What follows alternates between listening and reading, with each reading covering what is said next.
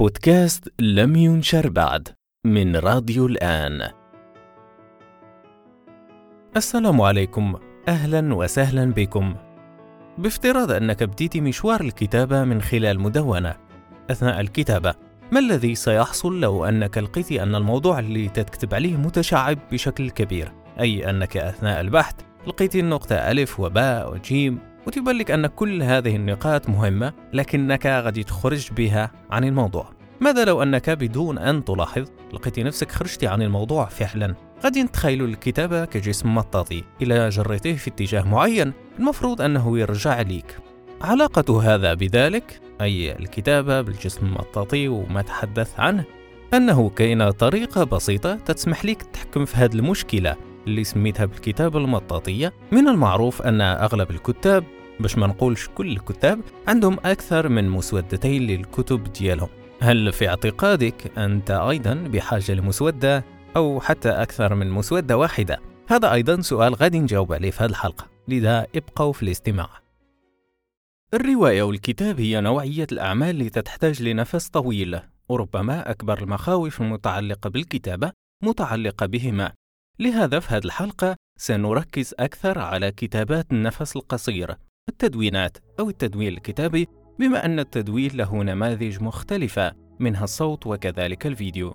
تدوين عادة يحتاج لعاملين الأول وهو الكتابة بلا شك والثاني هي القناة المنصة التي يمكن التعبير عليها بالجانب التقني. هنا تنخرج عن الحاجة لقلم وورقة أو لوحة مفاتيح لبعض المعرفة الإضافية. هذا في حالة ما كانت المدونة شخصية وخاصة أي منصة مستقلة بذاتها. أنا خالد وهذا بودكاست لم ينشر بعد.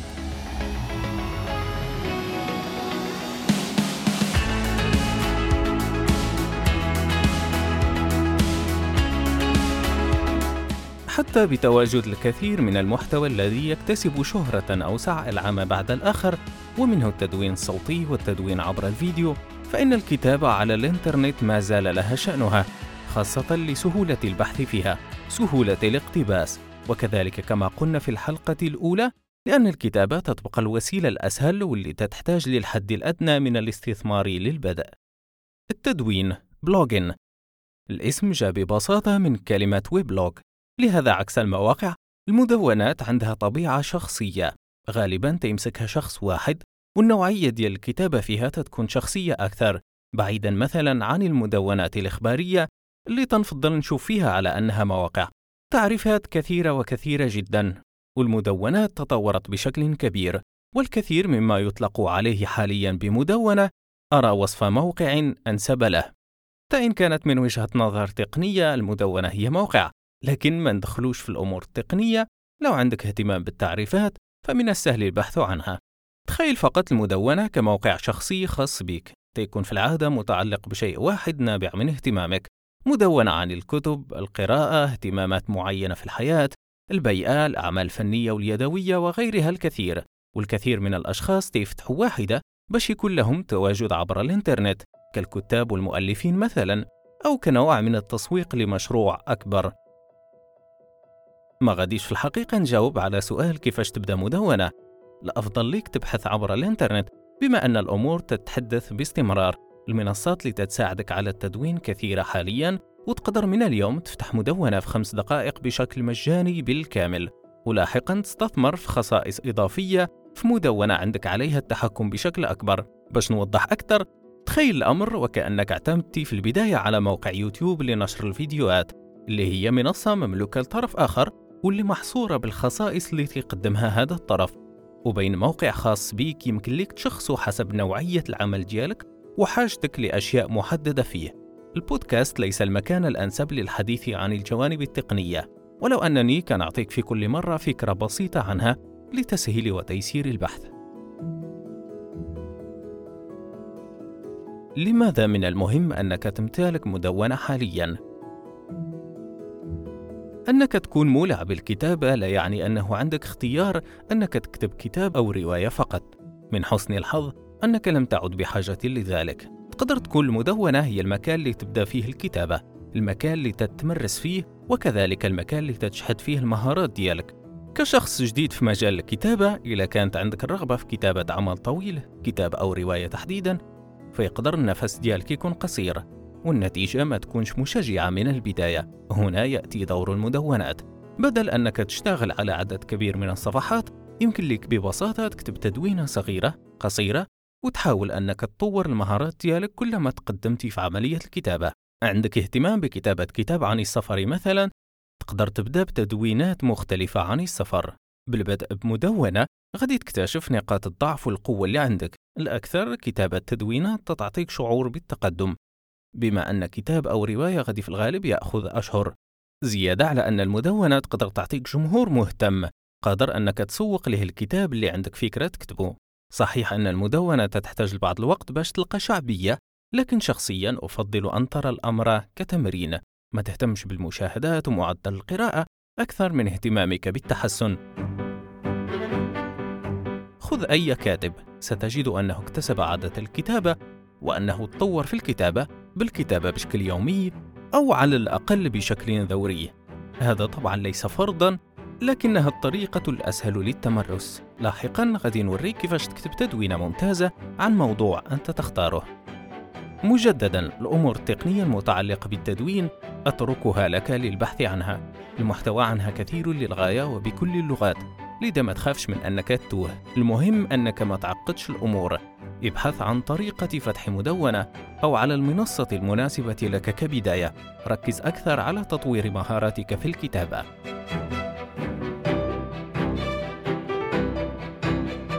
حاليا عندنا نوعين من المدونات في السوق. المدونات الشخصية اللي نابعة من اهتمام أصحابها والمدونات التجارية.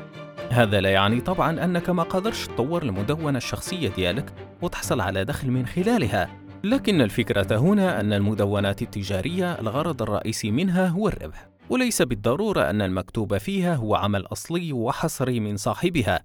لذا ككاتب انتبه على ذلك. سواء بغيت تولي مدون وهنا تركيزك الكبير غادي يكون على الكتابة أو بغيت تفتح مدونة للتمرس للانتقال لشيء أكبر كتأليف كتابة.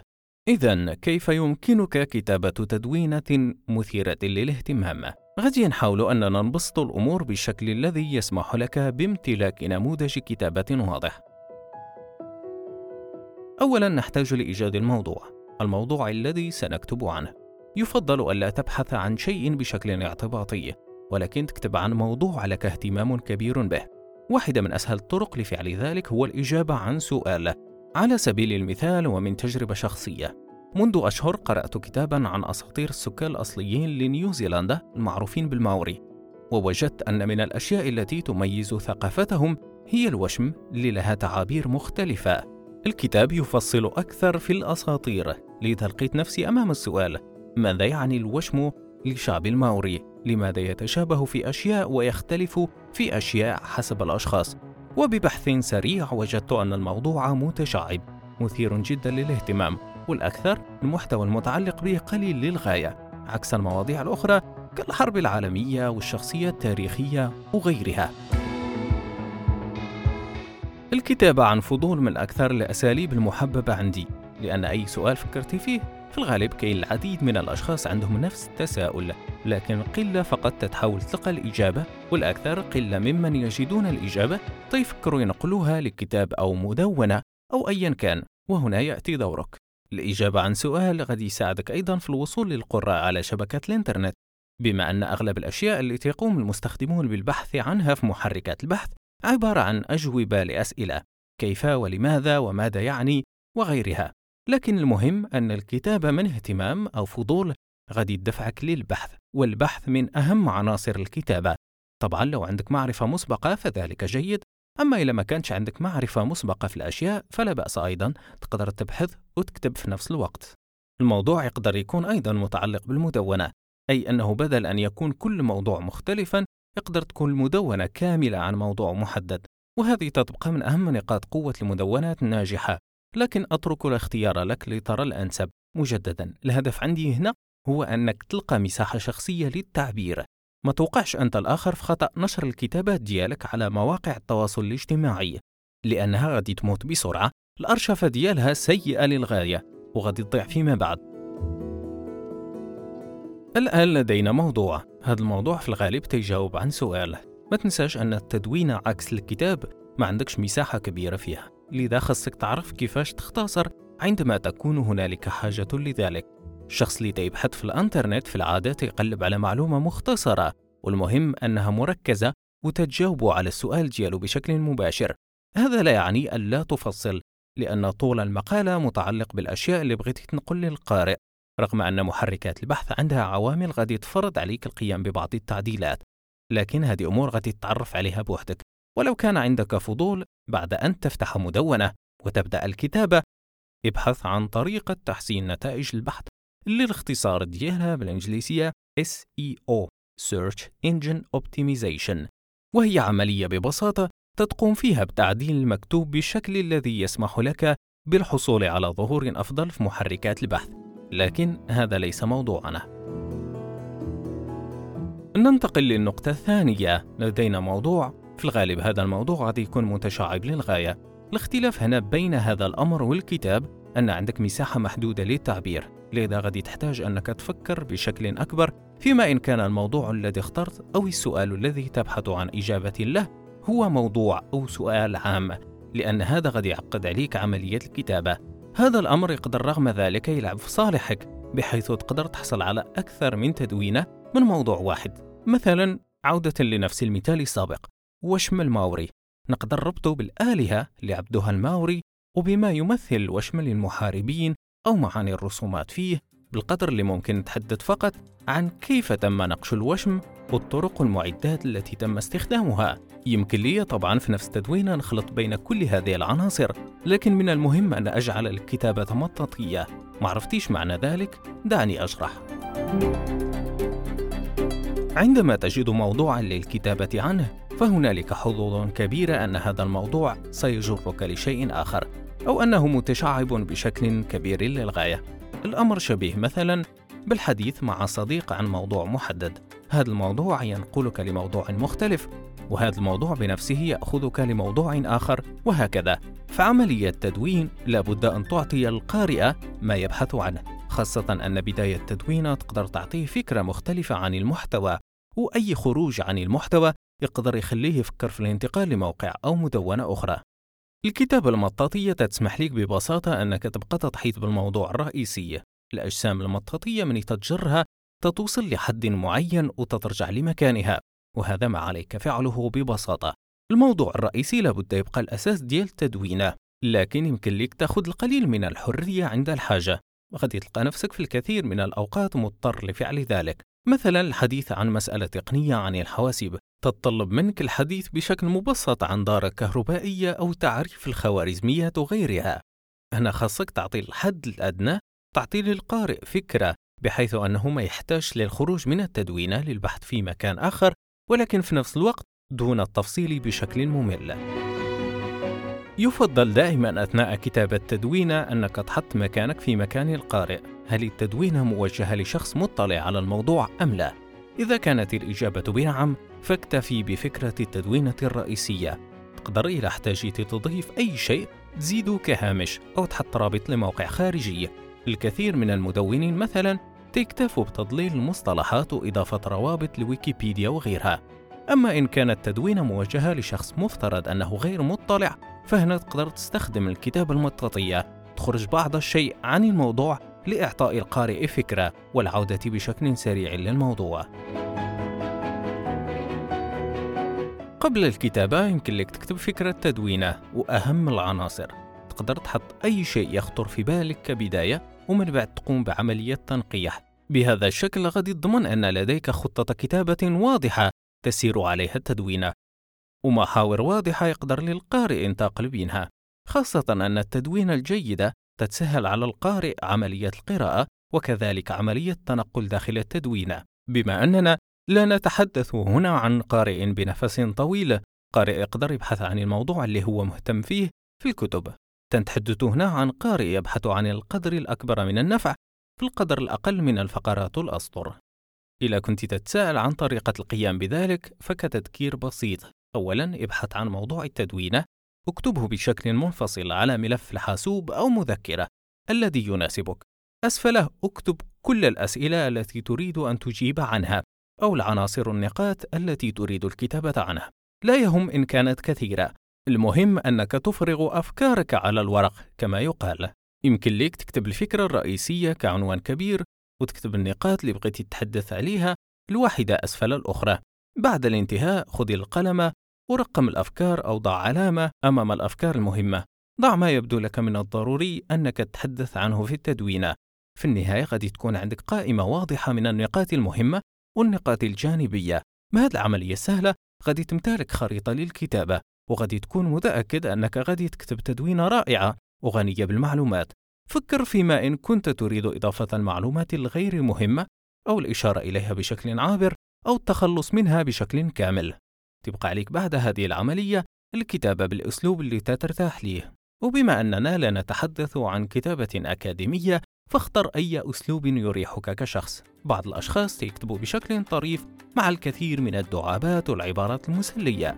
البعض الآخر يهتم بشكل أكبر بجمال الأسلوب وتزيين الفقرات والبعض يكتب محاورا للقارئ وهكذا. هي مدونة. افعل فيها ما شئت. لكن بقيود طبعا. المدونات جاءت كشيء مختلف. تتحمل فيها الكتابات في العادة جزء من شخصية الكاتب وحتى إذا ما لقيتيش طريقة معينة للكتابة فلا بأس. بالتمرن والتمرس ستجد أسلوبك الخاص. ربما تحتاج للعديد من التدوينات قبل أن تصل إليه لكن في النهاية ستصل إليه. نفس الشيء اللي تلاحظوه الرسامين مثلا. في البداية يتعلم الأساسيات كغيره بعدها تيقلد عمل شخص عنده إعجاب بأعماله. وفي الأخير تيلقى الأسلوب ديالو اللي تيتميز به عن غيره.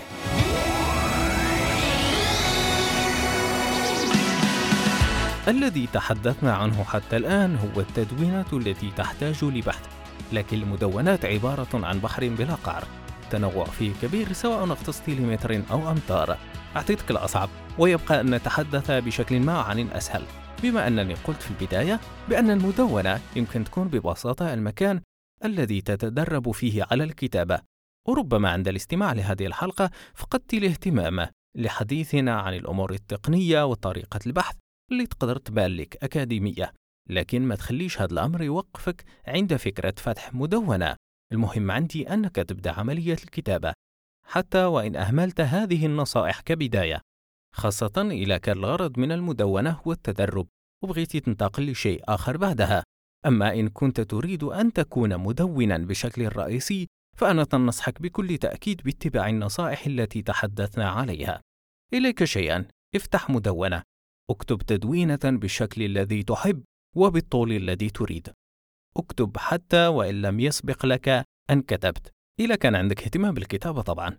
ولا أتوقع ألا يكون لديك اهتمام وقد وصلت لهذا الحد معي.